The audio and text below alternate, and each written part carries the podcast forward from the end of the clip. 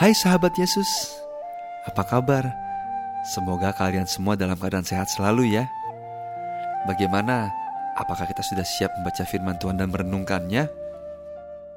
Kalau sudah, mari kita buka firman Tuhan yang diambil dari Markus 4 ayat 1 sampai 20. Kalau sudah dapat, mari kita berdoa terlebih dahulu ya.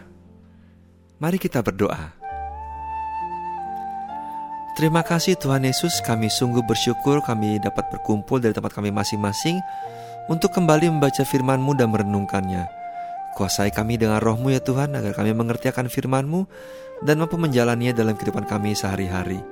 Dalam nama Tuhan Yesus kami berdoa dan mengucap syukur. Haleluya. Amin.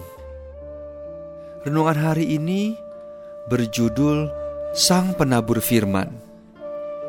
Sahabat Yesus, Mari kita membaca firman Tuhan yang tadi sudah kita siapkan. Firman Tuhan diambil dari Markus 4 ayat 1 sampai 20 dengan judul perikop Perumpamaan tentang seorang penabur. Pada suatu kali, Yesus mulai pula mengajar di tepi danau. Maka datanglah orang banyak yang sangat besar jumlahnya mengurumuni dia. Sehingga ia naik ke sebuah perahu yang sedang berlabuh, lalu duduk di situ sedangkan semua orang yang banyak itu di darat di tepi danau itu. Dan ia mengajarkan banyak hal dalam perumpamaan kepada mereka.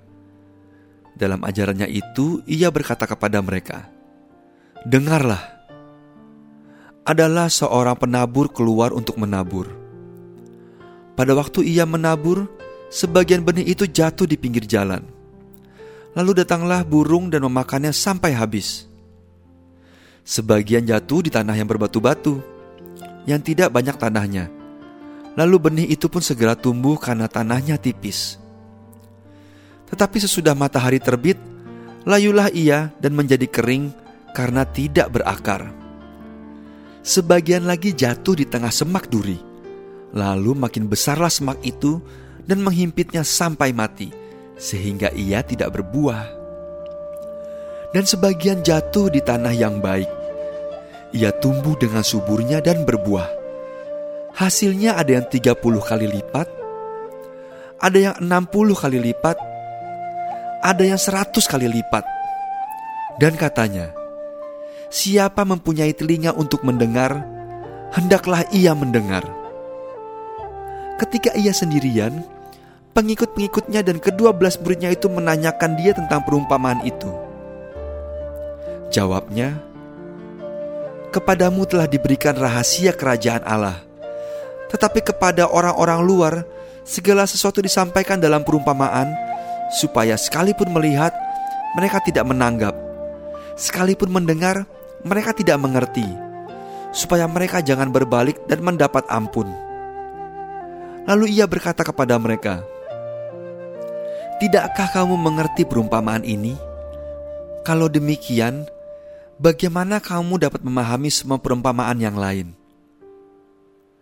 Penabur itu menaburkan firman. Orang-orang yang di pinggir jalan, tempat firman itu ditaburkan ialah mereka yang mendengar firman. Lalu datanglah iblis dan mengambil firman yang baru ditaburkan di dalam mereka. Demikian juga yang ditaburkan di tanah yang berbatu-batu, ialah orang-orang yang mendengar firman itu dan segera menerimanya dengan gembira tetapi mereka tidak berakar dan tahan sebentar saja. Apabila kemudian datang penindasan atau penganiayaan karena firman itu, mereka segera murtad. Dan yang lain ialah yang ditaburkan di tengah semak duri. Itulah yang mendengar firman itu, lalu kekhawatiran dunia ini dan tipu daya kekayaan dan keinginan-keinginan akan hal yang lain masuklah menghimpit firman itu sehingga tidak berbuah.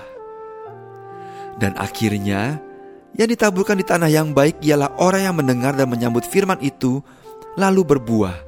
Ada yang 30 kali lipat, ada yang 60 kali lipat, dan ada yang 100 kali lipat.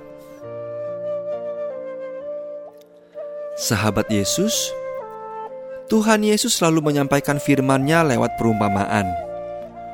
Melalui perumpamaan yang kita dengar kali ini, Tuhan Yesus mau mengajarkan hal yang benar dalam mendengarkan firman-Nya agar firman itu dapat berakar dan berbuah. Sahabat Yesus, dari antara tiga perumpamaan yang tadi sudah kita dengar, Tuhan Yesus mau kita untuk memiliki hati seperti tanah yang baik, sehingga firman yang Tuhan taburkan boleh tumbuh dan berbuah dalam diri kita masing-masing. Sahabat Yesus, ayo kita ucapkan kata-kata ini. Aku mau hatiku menjadi tanah yang subur bagi firman Tuhan. Sekali lagi, aku mau hatiku menjadi tanah yang subur bagi firman Tuhan. Mari kita berdoa. Bapa di surga, ajar kami untuk senantiasa dengar dan menyimak firman Tuhan. Biarlah hati kami menjadi tanah yang subur untuk pertumbuhan firman Tuhan. Kami mau taat dalam menjalankan perintah Tuhan. Dalam nama Tuhan Yesus kami berdoa. Amin.